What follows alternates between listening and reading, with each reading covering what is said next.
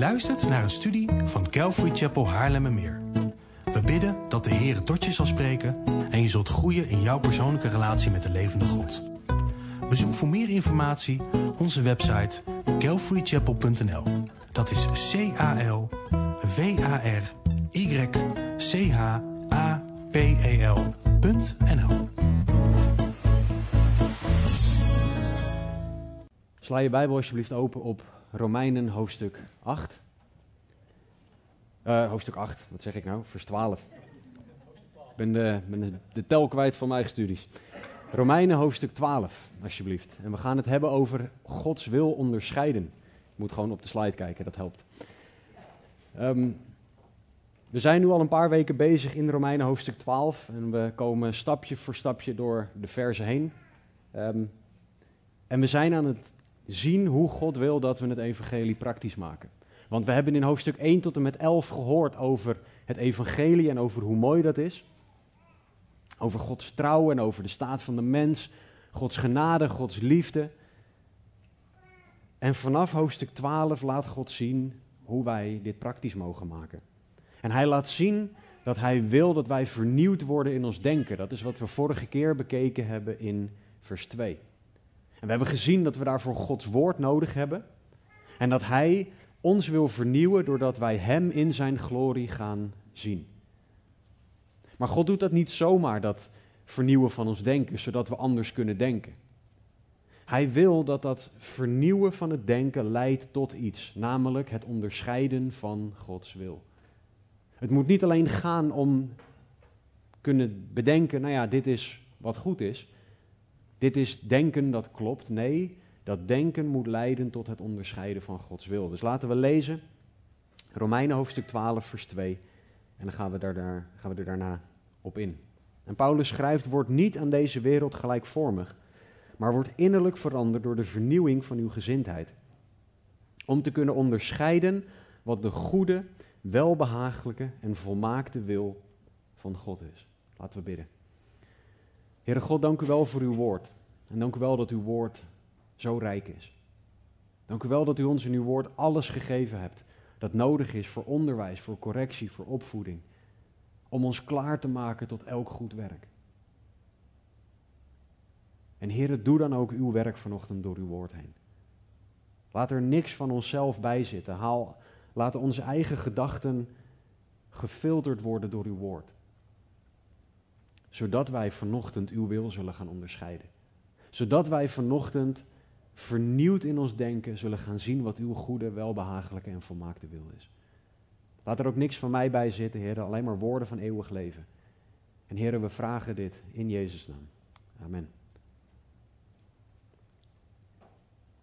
Een vraag die mensen mij vaker stellen voor de dienst, en iedereen die wel eens een studie of een preek gegeven heeft, herkent dit, is dat mensen vragen, ben je er klaar voor?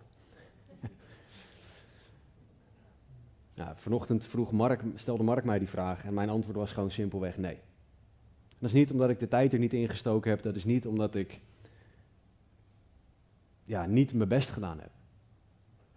Maar de afgelopen dagen hebben wij thuis een aantal uitdagingen gehad met wat dingen waar we tegenaan liepen. En wat ik merkte in mijn eigen hart was dat het door de dingen die er gebeurden, werd het voor mij lastiger door mijn vlees, dus niet door externe omstandigheden. Maar om de goede, welbehagelijke en volmaakte wil van God te onderscheiden en te doen. En ik sta hier niet om nu te zeggen dat ik allemaal hele heftige dingen moet beleiden. En dat is niet wat ik zeg. Wat ik zeg is dat ik deze studie voor mij, dat die voor mij is. Want ik moet Gods wil leren onderscheiden. En ik moet Gods wil leren doen. Ik, ik heb het nodig om deze studie te horen. Want ik moet vernieuwd worden in mijn gezindheid om Gods wil te kunnen onderscheiden en om dit te kunnen doen. Ik heb het nodig om het evangelie tegen mijn hart te prediken. Want ik heb het evangelie elke dag nodig. Vaker dan elke dag. Want ik faal. Ik weet niet of dat nieuws voor jullie is, maar ik faal elke dag. En in mijn falen heb ik het evangelie nodig. Heb ik het nodig om te zien dat Jezus Christus groter is en dat Hij mij tot zich wil trekken? Heb ik het nodig om te zien dat ik in mijzelf niet genoeg ben en niet goed genoeg ben. Maar dat Hij goed genoeg is en dat ik naar Hem mag leren rennen. Ook wanneer het mij niet uitkomt. Zoals het de afgelopen dagen dan was. Met wat er dan thuis gebeurde. Ook als het niet is wat op dat moment even goed voelt. Maar dit is wat ik nodig heb. En dat is wat Paulus ons tot nu toe heeft laten zien en dat is wat tot mijn hart aan het spreken is. Paulus heeft het evangelie in heel veel detail uitgelegd in hoofdstuk 1 tot en met 11. En hij heeft ons laten zien dat hij wil dat wij rechtvaardig voor God kunnen staan door Jezus werk aan het kruis. En hij heeft laten zien dat Jood en Heiden dit nodig hebben. Dat allen doenwaardig zijn. Maar dat wij allemaal daarom ook Jezus Christus nodig hebben. En door het evangelie, deze uitleg heen, hamert Paulus op Gods werk.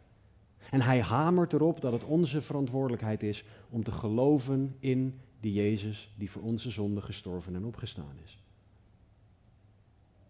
En wat Paulus dan zegt vanaf hoofdstuk 12, vers 1, is dat het logisch is om jezelf door de ontfermingen van God toe te wijden aan God. Op basis van de theologie, van de, van de onderbouwing die hij net gegeven heeft. Hij zegt, dit is hoe mooi het evangelie is. Dit is hoe diep het evangelie is. Dit is hoe geweldig het is en hoe ver het gaat. En daardoor is het logisch dat jij jezelf toewijdt aan God. En hij is begonnen met uitspreken dat we ons lichaam moeten toewijden. Hij brengt het daarna naar ons denken. En hij wil uiteindelijk dat wij Gods wil gaan onderscheiden. Dat is zijn doel met hiermee. Zoals een goed leraar heeft Paulus een doel met de woorden die hij zegt. Het is niet, nou ja, doe er iets leuks mee. Nee, hij wil dat we Gods wil gaan onderscheiden. En hij maakt duidelijk, ook in de volgorde der dingen, dat we pas Gods wil kunnen onderscheiden als we, hoofdstuk 12, vers 2, niet aan deze wereld gelijkvormig zijn, maar innerlijk veranderd door de vernieuwing van onze gezindheid zijn. Pas dan zijn wij in staat om Gods wil te onderscheiden. En pas wanneer wij vernieuwd zijn in ons denken, onszelf toegewijd hebben aan Hem, zullen wij dat onderscheiden kunnen gaan doen. En dat onderscheiden in het Grieks wijst op onderzoeken of iets echt is en herkennen dat iets echt is na onderzoek. Dus je gaat onderzoeken of dat wat je voor je hebt echt is. En je komt, wanneer je het gaat onderzoeken, tot de conclusie: het is wel echt of het is niet echt. En dan het is wel echt van God, of nee, dit is zeker weten niet van God. En als christenen, als Gods kinderen, is het voor ons ontzettend belangrijk om Gods wil te leren herkennen. Om Zijn wil te onderscheiden. Met onze kinderen vinden wij het belangrijk dat zij leren kennen en onderscheiden wat onze wil is. Waarbij natuurlijk het zo is dat onze wil onderhevig moet zijn aan die van de Heer. Maar wij willen dat onze kinderen sommige dingen op een bepaalde manier doen. En daarom is het belangrijk dat zij onze wil leren onderscheiden. Dat ze leren onderscheiden, dit is wel wat papa mama, of in ons geval Abba en Ima, van ons vragen. En dit is niet wat papa en mama van ons vragen. Dit is wel hoe we dingen horen te doen en dit is niet hoe we dingen horen te doen. Dat is wat God ook voor ons wil. En niet omdat God het nou gewoon leuk vindt om zijn wil op te leggen en een soort van met die hele grote duim van hem ons naar beneden te duwen. Maar hij weet het gewoon oprecht beter dan wij. En dat is zo bevrijdend als we gaan zien dat God het beter weet. Maar als je dat accepteert, dat God het beter weet, dan betekent het nog niet dat je Gods wil onderscheidt. Het betekent nog niet dat je al dat vermogen hebt om het te onderscheiden. Bijbelcommentator David Guzik heeft hierover gezegd: Bedenk de rijke barmhartigheid die God voor jou heeft. Verleden, heden en toekomst zijn er door de ontfermingen van God. Als een daad van intelligente aanbidding kies je om jezelf volledig aan Hem over te geven. Dat is, presenteer je lichaam als een levend offer. Weersta één worden met de gedachten en daden van deze wereld. En dat is het niet gelijkvormig aan de wereld worden. En door de focus op God en fellowship met Hem worden we hervormd door het vernieuwen van ons denken. Dit is wat Hij zegt is nodig om Gods wil te onderscheiden. Maar dat zegt nog steeds niks over het daadwerkelijk onderscheiden van wat Gods wil is. Nou, heel kort over dat woord onderscheiden, dat is in het Grieks het woord dokimazo. En dat staat vooral in de uh, seculiere wereld werd dat gebruikt voor het onderscheiden van metaal. En dan vooral om munten te onderzoeken. Want hè, wat is er belangrijker dan onderzoeken of geld echt is? Zeker in die tijd. En waarom was dat nodig? Nou, muntgeld was van vrij zacht metaal. En de mens zou de mens niet zijn als de mens niet dacht: hé, hey, zacht metaal, geld, waarde, daar kan ik wat van afhalen. Dat is letterlijke inflatie, want ze haalden dus, ze schaafden iets van de munten af. En hoopten dat niemand het zou zien. En dan moest men dokimazo onderscheiden of het echt is. Je moest onderscheiden of een munt wel echt was. En dat is wat wij horen te doen. Wij horen ideeën, gevoelens, gedachten. Wij horen de dingen die er op ons afkomen. Horen wij te onderscheiden, als echt te bevinden. We moeten het beproeven. We moeten onderzoeken of dingen wel of niet naar Gods wil zijn.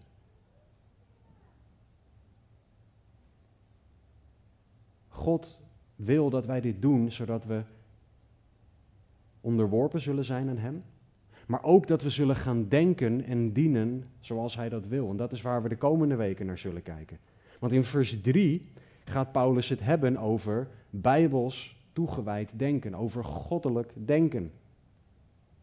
Hij gaat daar vanaf vers 3 op in. In vers 4 tot en met 8 gaat hij in op het dienen van God door de gave van de geest. Maar wat belangrijk is, is dat Paulus zegt: je kan pas zo denken en zo dienen als jij Gods wil kan onderscheiden. Voor mijn werkgever moet ik onderscheiden wat ze van me vragen. En dat is soms heel ingewikkeld, want soms stellen ze hele bijzondere vragen. Maar ik moet erachter komen wat die vraag betekent, wat die opdracht betekent. Want als, ik, als ze mij vragen om naar links te lopen en ik ren naar rechts, dan ga ik de verkeerde kant op.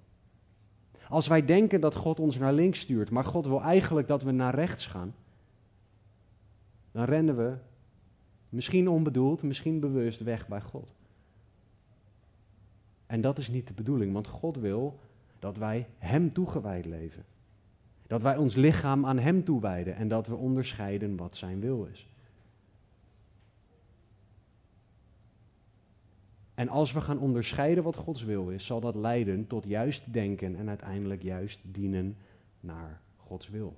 Maar nog steeds heb ik mijn eigen vragen niet beantwoord. Hoe doe je dit nou? In de kerk hoor je de zin God legt op mijn hart, puntje, puntje. Of God legt, puntje, puntje op mijn hart. En soms is dat puntje, puntje iets heel bijbels. En is het ook echt Gods wil? Laten we daar niet cynisch over zijn. Soms is het echt zo dat God het op je hart legt om iets te gaan doen. God heeft bijvoorbeeld op mijn hart gelegd om een YouTube-kanaal te beginnen een aantal jaar geleden. Ik weet nog steeds niet wat God ermee wil bereiken. Het frustreert me af en toe mateloos, daar had ik het later nog met Tim over. Maar dat betekent niet dat het niet Gods wil is. God legde dat op mijn hart. Ik wist, ik wist dat ik het moest doen, maar waarom? Wat God ermee wil bereiken? Geen idee. Maar soms hoor je ook, en ook van mij, want het is niet alsof ik Gods stem altijd perfect versta. God legt op mijn hart en dan komt er iets wat niet van God is. Een eigen verlangen of soms zelfs een zondig idee. Nee, God legt het op mijn hart om met deze persoon een relatie aan te gaan terwijl die persoon niet in Jezus Christus gelooft. Een soort van evangeliseren richting iemand met wie je aan het daten bent. Of soms legt God het op je hart. Met ja, ik wil echt een promotie, dus ik moet nu harder gaan werken, meer uren maken, mijn gezin minder zien, niet meer naar de kerk kunnen gaan en et cetera. Soms is het, als wij zeggen God legt op mijn hart, is het iets wat simpelweg uit ons denken komt en uit ons hart komt, omdat we niet onderscheiden wat de goede, welbehagelijke en volmaakte wil van God is. En je komt er dan achter dat wat er op het hart ligt, niet matcht met wie God is. Niet matcht met wat God wil. En daarom is het dus belangrijk, hoe onderscheid je nou Gods wil? Hoe ziet dat er nou uit, dat toetsen, dat beproeven, dat onderzoeken of het echt is? Hoe doe je dat nou? Nou, primair en ten allereerste begin je bij Gods woord. In 1 Thessalonicense 5 vers 21 staat, beproef alle dingen en behoud het goede. Wat heel belangrijk is, is dat God zichzelf nooit tegen kan en zal spreken in de Bijbel. Dus als God echt iets tegen jou zegt, zal dat nooit in tegenspraak zijn met de Bijbel. Dat is de allereerste manier om het te toetsen. Als God iets, God iets tegen jou zegt en het gaat lijnrecht tegen de Bijbel in, dan heb je misschien iets verkeerds gegeten de avond tevoren. Of heb je gewoon simpelweg iets verkeerd begrepen. Of word je geleid door je eigen verlangens. Er zal nooit speciale leiding van God zijn die tegen zijn woord de Bijbel ingaat. Want dan zou God veranderen en dan is het klaar. Want God kan niet veranderen. We moeten toetsen aan Gods woord wat we denken, wat we willen. We moeten alles toetsen aan Gods woord. En daarom is het zo belangrijk dat we Gods woord leren kennen. Dat jullie in je stille tijd Gods woord beter leren kennen. Dat ik dat doe. Dat we de Bijbel lezen. Dat we de Bijbel ons eigen maken. 2 Timotheus 3, vers 16 en 17 zegt niet voor niets: Heel de schrift is door God ingegeven en is nuttig om daarmee te onderwijzen, te weerleggen, te verbeteren en op te voeden in de rechtvaardigheid, opdat de mens die God toebehoort volmaakt zou zijn tot elk goed werk volkomen toegerust. Heel de schrift is door God ingegeven en is nuttig. Die schrift hebben wij nodig om Gods wil te kunnen onderscheiden. Want als God nu tegen mij zou zeggen, dus aanhalingstekens, ik wil dat je van je vrouw scheidt, omdat er een leuker model is, even heel plat, heel slecht verwoord, dan weet ik sowieso, één, dat kan niet, want er is geen leuker model. En twee, ah, zo, jongen, jongen, ik denk, heb ik een keer een leuke grap? Nee. Ehm, maar één, dat is niet zo. En twee, God zou nooit van mij vragen om dat op die manier te doen, want dat is niet bijbels. Sorry, ik zie net hoe rood mijn vrouw geworden is. Ehm, we hebben de schrift nodig om te kunnen toetsen of het klopt wat ik denk. En zelfs als ik iets denk wat leuk lijkt en logisch lijkt en wat goed voelt, maar het matcht niet met de Bijbel, dan heeft de Bijbel altijd gelijk. Dus als ik wil onderscheiden of iets, Gods, of iets naar Gods wil is, moet ik de directe versen en de principes uit het woord, moet ik leren en aanhalen en gebruiken om te weten of iets wel of niet naar Gods wil is. Ik moet al mijn ideeën, gedachten, emoties en verlangens en meer toetsen aan het woord. Ook wanneer het niet uitkomt. Ook wanneer je gevoel zo sterk is dat je niks anders kan. We moeten alles, maar dan ook alles toetsen aan het woord. Het is niet optioneel om dat te doen. Ook de dingen van de kerk. Jullie moeten ook toetsen wat wij hier doen, wat ik hier zeg. Als ik iets zeg wat niet matcht met de Bijbel, heeft de Bijbel gelijk. En moet ik dat rechtzetten. We moeten toetsen aan het woord. Een tweede methode die hierop aansluit, het is niet dit, dat, dat de dingen die ik ga zeggen of-of is, dit, is allemaal, dit hangt allemaal samen. Maar de tweede methode is gebed.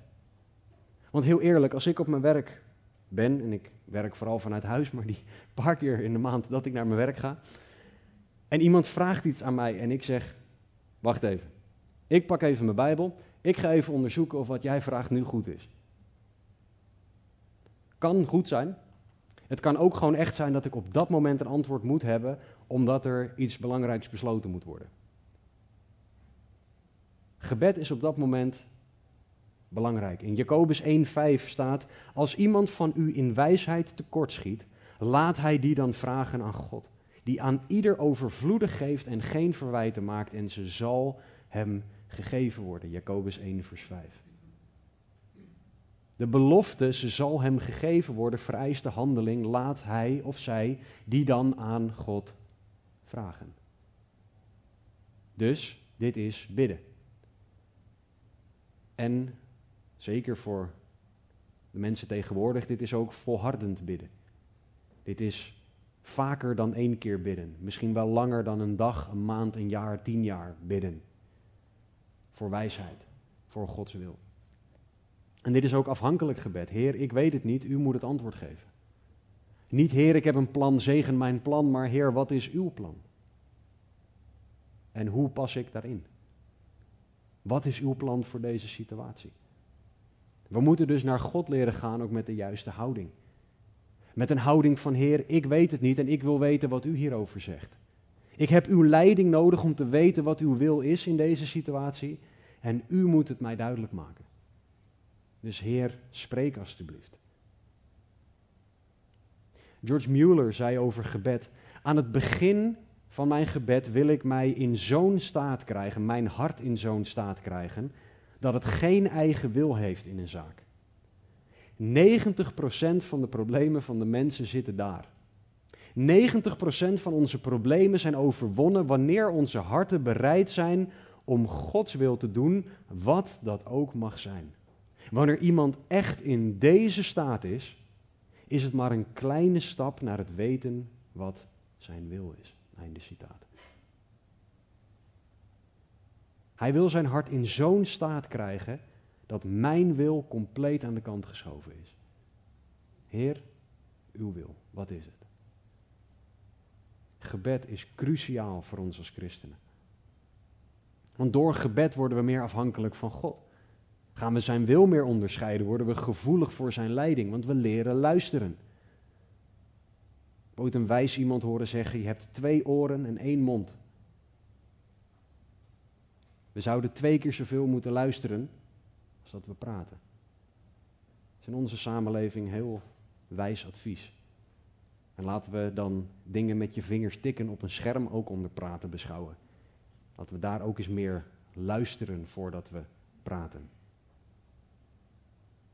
Maar je ziet een voorbeeld hiervan bijvoorbeeld in Jesaja. En we hebben niet de tijd om echt in Jesaja 6 te duiken.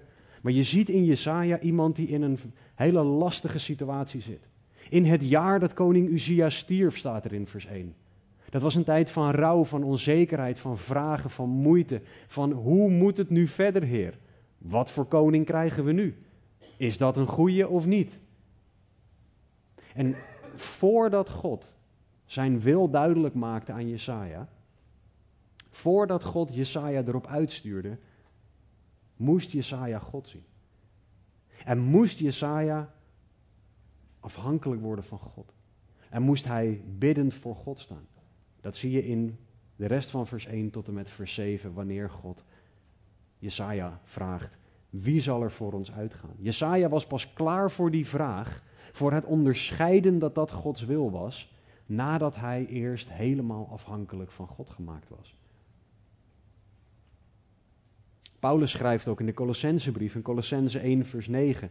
Daarom houden wij, of houden ook wij niet op, vanaf de dag dat wij het gehoord hebben, voor u te bidden en te smeken dat u vervuld mag worden met de kennis van zijn wil in alle wijsheid en geestelijk inzicht. Nou, Paulus leert ons hier dat wij elkaar ook mogen dienen in gebed om Gods goede, welbehagelijke en volmaakte wil te leren onderscheiden. Want hij bidt zonder ophouden dat ze vervuld mogen worden met de kennis van zijn wil. Hoe nodig heb ik het dat jullie voor mij bidden dat ik Gods wil leer onderscheiden? Hoe nodig hebben jullie het dat ik voor jullie bid en wij voor elkaar bidden dat we Gods wil leren onderscheiden?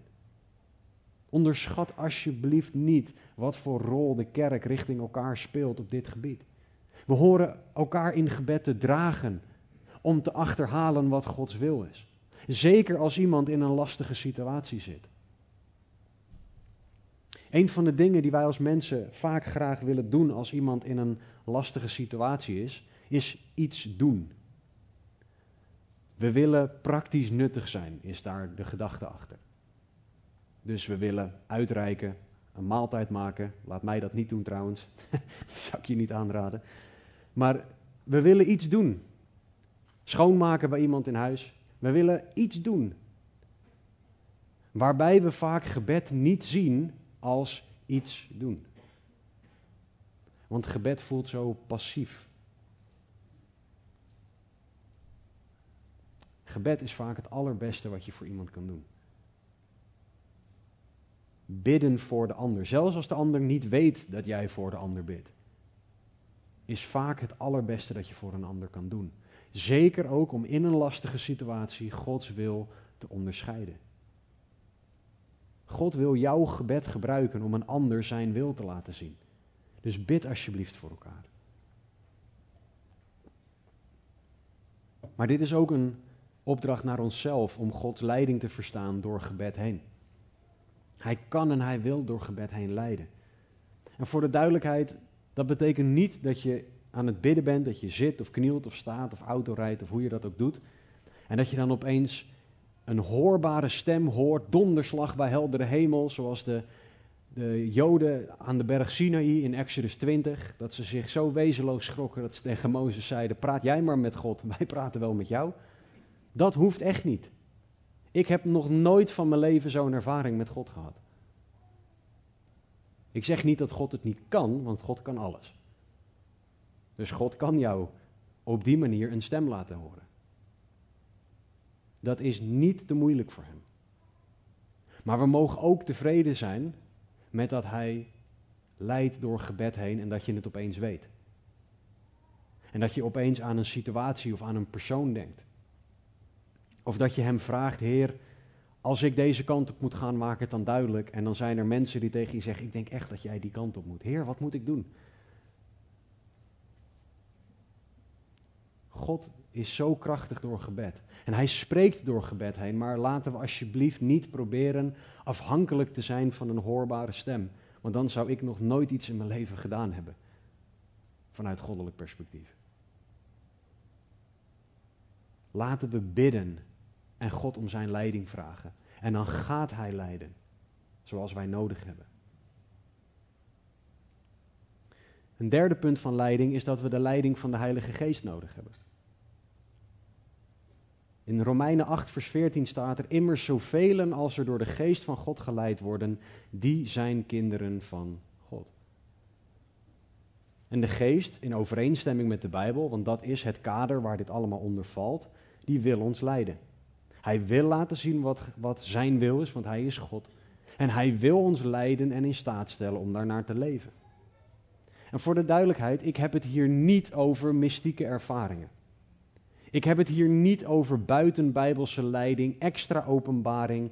Ik heb het niks van, over niks van die aard. Ik heb het over luisteren naar God die ons wil leiden in overeenstemming met het woord. Dit is dus niet iets charismatisch, dit is iets bijbels. En we moeten leren om als, het, als de naam Heilige Geest komt, om niet gelijk onze kerkbagage te laten spreken, of onze nare ervaringen. Maar we moeten leren om te toetsen wat er gezegd wordt aan de hand van het woord. Want neem bijvoorbeeld wat er in Jesaja 30, 21 staat. Daar spreekt God tegen zijn volk en hij zegt, met uw eigen oren zult u een woord van achter u horen. Dit is de weg, bewandel die. Dit voor u het geval u naar rechts of naar links zou gaan. Dus God kan spreken met een stem. Dat doet hij. In Handelingen 13, vers 2 en 3 zien we letterlijk leiding van de Heilige Geest. En terwijl zij de Here dienden en vasten, staat daar, zij de Heilige Geest, zonder voor mij zowel Barnabas als, als Saulus af, voor het werk waartoe ik hen geroepen heb. Toen vasten en baden zij, en nadat zij hun de handen opgelegd hadden, lieten zij hen gaan. Dit is heel duidelijk Gods leiding en Gods leiding door de Heilige Geest. We zien bijbelse broeders, als je de namen wil zien, kan je dat in vers 1 vinden van Handelingen 13. En die zijn de Heer aan het dienen. En in het dienen van de Heer geeft de Heilige Geest antwoord. Binnen de grenzen natuurlijk van het woord. En waarom is de leiding van de Heilige Geest nou specifiek zo belangrijk? Ik heb nog nooit een Bijbelvers gevonden waarin staat: Casper, jij moet een YouTube-kanaal beginnen en ik wil dat je dat gaat doen. Er is nergens een vers dat iemand, zoals een Kobus en een Ellen, naar Tanzania stuurt. Is er niet. Als je het kan vinden en je hebt het niet zelf in je Bijbel erbij geschreven, dan wil ik dat, graag, dan wil ik dat vers graag zien. Waarom is dit belangrijk? Omdat de Heilige Geest de principes en de leiding van het woord gebruikt om dat specifiek toe te passen in jouw situatie. Hij wil bijvoorbeeld jou op basis van de grote opdracht leiden om ergens naartoe te gaan. Misschien wel om te verhuizen. Zoals we bijvoorbeeld ook bij het voorbeeld van Stan Marnie gezien hebben. Die op basis van de grote opdracht en door de leiding van de Heilige Geest vanuit het zonnige Californië naar Nederland gekomen zijn. Dat moet echt de leiding van de Heilige Geest geweest zijn, want niks logisch laat je die keuze maken. Maar de leiding van de Heilige Geest is dus iets heel bijbels en is iets logisch, is iets wat wij nodig hebben als christenen. Op basis van zijn leiding kan je bijvoorbeeld naar een specifieke kerk gaan. Omdat die Bijbel getrouw is en ben je misschien dan zelfs wel bereid om te verhuizen. Maar de Heilige Geest is degene die je daartoe leidt. De Heilige Geest is ook degene die je ertoe kan leiden om een bepaalde relatie wel of niet aan te gaan. En dan spreek ik eh, specifiek ook tegen de singles, of de alleengaanden. Laat de Heilige Geest je ook leiden naar met wie je wel of niet een relatie moet aangaan. Laat dat niet zijn omdat jij die ander zo leuk vindt, maar laat het zijn omdat de Heilige Geest je leidt. We zien principes in het woord voor over hoe relatie en trouwen en al die dingen. Maar er, staat, er stond voor mij nergens een vers in de Bijbel, Casper, jij moet met Amit trouwen. Ook die heb ik nog nergens gevonden. Daar heb je dus de leiding van de Heilige Geest nodig. Dus laten wij christenen voor het onderscheiden wat de goede, welbehagelijke en volmaakte wil van God is, alsjeblieft niet voorbij gaan aan de derde persoon van de drie-eenheid. Want Hij is. Dit gaat om het onderscheiden wat Zijn wil is. En het luisteren en het zoeken naar de leiding van de Heilige Geest is dus niet iets geks. Er zijn mensen die daar iets geks van maken. Dat is iets anders. Voor mij is het voorbeeld altijd pindakaas is lekker. Een boterham met peanut butter en jelly niet, maar dat maakt voor mij pindakaas niet minder lekker. Hè? Sorry, dit is een grapje tussen mij en Stan, al jaren. Hij probeert mij al jaren ervan te overtuigen dat een boterham met pindakaas en jam lekker is. En ik als zeurderige Nederlander, misschien ben ik de enige, vind dat je dan los een boterham met jam en los een boterham met pindakaas moet eten. Kijk, maakt niet uit. Totaal niet relevant. Zoek de leiding van de Heilige Geest. Dat is wat wel relevant is. Dat is wat wij nodig hebben om de, de Geest ons te laten leiden naar wat Gods wil is. Een vierde manier van hoe wij Gods wil kunnen onderscheiden is door wijze raadgevers te zoeken. Spreuken 15:22 zegt: Plannen falen als er geen overleg is, maar door een veelheid van raadgevers komt het nodige tot stand. Laten we alsjeblieft bij het onderscheiden van Gods wil luisteren naar raad. Dit gaat vaak over wijzere en oudere christenen, die ons een geweldige bron van wijsheid en inzicht kunnen zijn. En hun gevoeligheid voor Gods stem kan ons helpen om een keuze wel of niet te maken, omdat zij zeggen: ja, maar dit is echt niet overeen, komt niet overeen met wat Gods woord zegt. Kijk maar naar X, Y en Z. Luister naar raadgevers. Een vijfde iets waar je het aan kan toetsen, en ik heb er nog twee en ik zal proberen langzamerhand af te ronden. Maar een vijfde iets is kijken naar Gods eer. Jesaja 43:7 zegt: Ieder die genoemd is naar mijn naam, heb ik tot mijn eer geschapen, zegt God. Die heb ik geformeerd, ja, die heb ik gemaakt. Jesaja 43:7. En daarmee hoort ons leven tot zijn eer te zijn. En alles dat wij doen hoort God te eren. En dat is dus ook de lens om zijn wil te onderscheiden. Want als iets God eer brengt, is de kans groot dat het iets goeds is om te doen. Als het God geen eer brengt, en wij zijn gemaakt om Hem te eren, dan is het logisch dat je het niet doet. Dat je het niet overweegt. Filter het door Gods eer. En als laatste de grote opdracht. Matthäus 28, 19. Ga dan heen, onderwijs al de volken, hen dopend in de naam van de Vader en van de Zoon en van de Heilige Geest, hun lerend alles wat ik u geboden heb in acht te nemen. Dit is waartoe wij allemaal geroepen zijn. En als iets afbreuk doet aan de grote opdracht, aan het vervullen van de grote opdracht, kan je al zeggen dat het niet naar Gods wil is. Als iets mij verhindert van het tijd hebben voor Gods grote opdracht, dan moet er wel iets heel bizar zijn, wil dat Gods leiding zijn. Wij moeten alles filteren door de grote opdracht. Stelt dit mij in staat om anderen over Jezus te vertellen? Helpt dit om mensen richting Hem te wijzen? We hebben hier wijsheid, gebed en het woord in nodig. Maar we moeten dit gebruiken om te filteren, is het Gods wil? En door deze dingen zullen we Gods wil leren onderscheiden. En zullen we zien dat zijn wil goed, welbehagelijk en volmaakt is. Wat fijn is, is dat Gods wil goed is, want dat voelt niet altijd zo. Door die zes genoemde dingen kan je erachter komen dat de situatie waar jij in zit, hoe pijnlijk en hoe moeilijk die ook kan zijn, naar Gods wil is, omdat Zijn wil goed is. Je situatie en je gevoel kunnen anders schreeuwen, maar je mag rusten in het feit dat God goed is en dat Zijn wil goed is. En leer dat van Paulus, die door heftig lijden en verschrikkelijke tijden heen gegaan is. En kon zeggen, Gods wil is goed. Hij, hij had geleerd om te rusten in het feit dat Gods wil goed is, ongeacht zijn gevoel. Paulus leert ons dat Gods wil wel behagelijk, acceptabel, behagelijk of fijn is. En dat is belangrijk. Maar wat helemaal belangrijk is, is dat we zien dat zijn wil ten eerste behagelijk voor hem is. Het brengt hem eer. Het verhoogt zijn naam, zelfs als wij door iets moeilijks heen moeten gaan.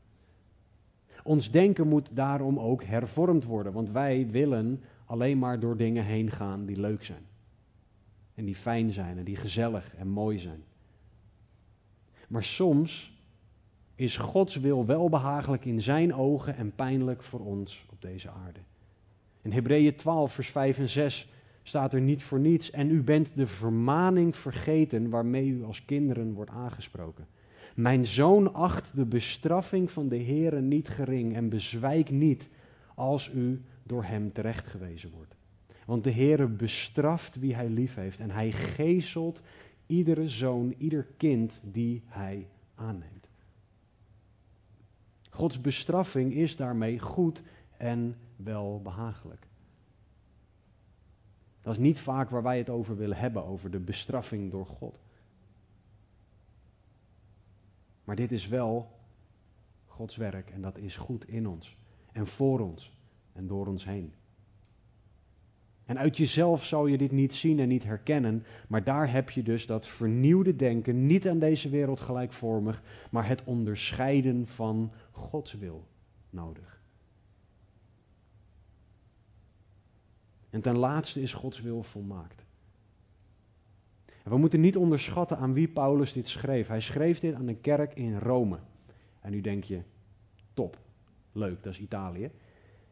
Nee, deze kerk die was, zat aan het begin van vervolging op een manier die wij niet kennen. Keizer Nero was nu aan de macht op het schrijven van deze brief. En zijn vervolging van de christenen was langzamerhand aan het komen. En waarschijnlijk één of twee jaar na het schrijven van deze brief heeft Nero zelf Rome in de fik laten zetten om de christenen de schuld te kunnen geven. Om een vervolging van de christenen te beginnen die alle beschrijving tart. En voor deze christenen moesten ze herinnerd worden aan het feit dat Gods wil volmaakt is. Ook als we door pijn heen gaan die we niet eens kunnen omschrijven. Ook als de situatie moeilijker is dan dat we zelf aankunnen. Gods wil is goed, welbehagelijk en volmaakt. Dat is het Bijbelse fundament om aan vast te houden. Dat is onze God en dat is de zekerheid waar we op kunnen bouwen. Deze wil mogen we gaan onderscheiden. Mogen we gaan leren kennen. En mogen we naar gaan leven. Als jij nog niet gelooft, dan is het Gods wil voor jou dat je Hem leert kennen en dat je in Hem gelooft. Dat is de eerste stap, waarna Hij al deze dingen ook gaat ontwikkelen in jouw leven. Want God gaf Zijn Zoon voor jou en droeg jou en mijn straf, zodat jij niet in de hel terecht hoeft te komen. Want wij zijn zondaren, jij, u en ik. Dus geloof in Jezus, bekeer je van je zonde en je bent gered. Vraag om vergeving voor je zonde, zodat je schoongewassen kan worden. Maar christen, God wil dat jij, die al in Hem gelooft, Zijn wil gaat onderscheiden.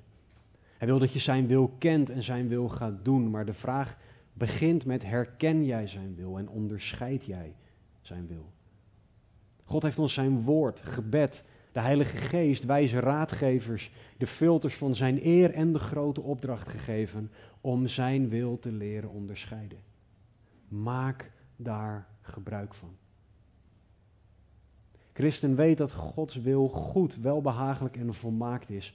En leer je schikken aan die wil. Volhard in die wil. Accepteer die wil. Ook als het pijn doet. Als het niet leuk is. Als het ver boven je vermogen gaat. Ren naar God. Johannes schreef in 1 Johannes 2:17 en daarmee sluit ik af. De wereld gaat voorbij met haar begeerte. Maar wie de wil van God doet, blijft tot in eeuwigheid. Laten we die wil onderscheiden, zodat we die wil kunnen doen. Laten we bidden. O Hemelse Vader, dank u wel. Heer, u bent oneindig groot en toch wilt u nietige mensen als ik kennen. Nietige mensen als wij.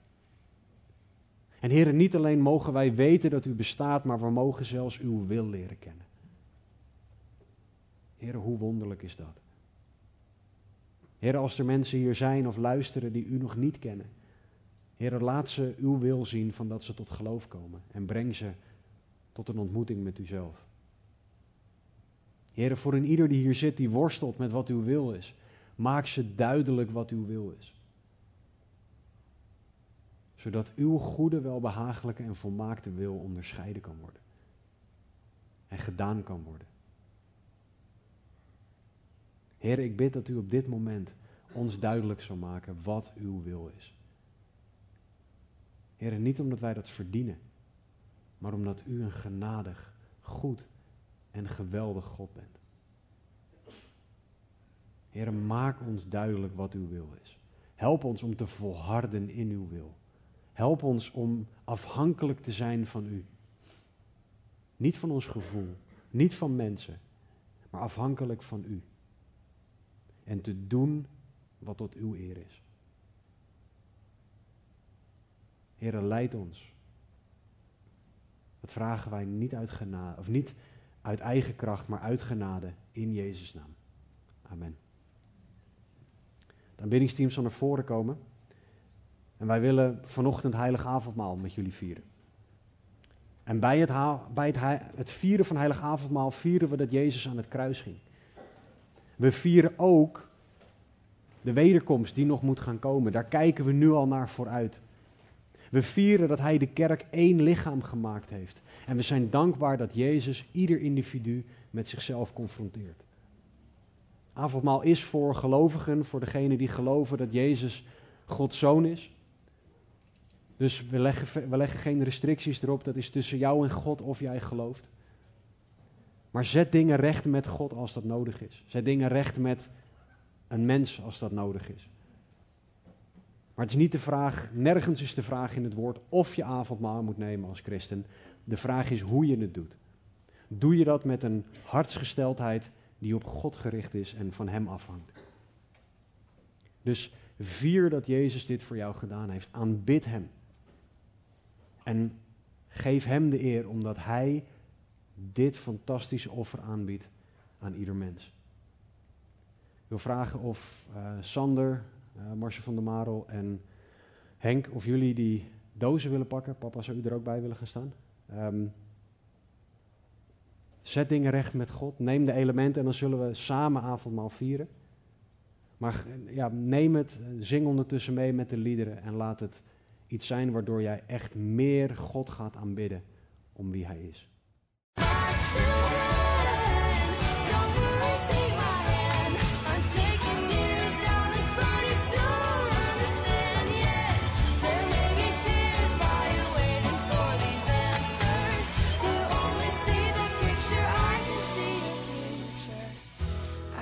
tell you right now, it's gonna be all.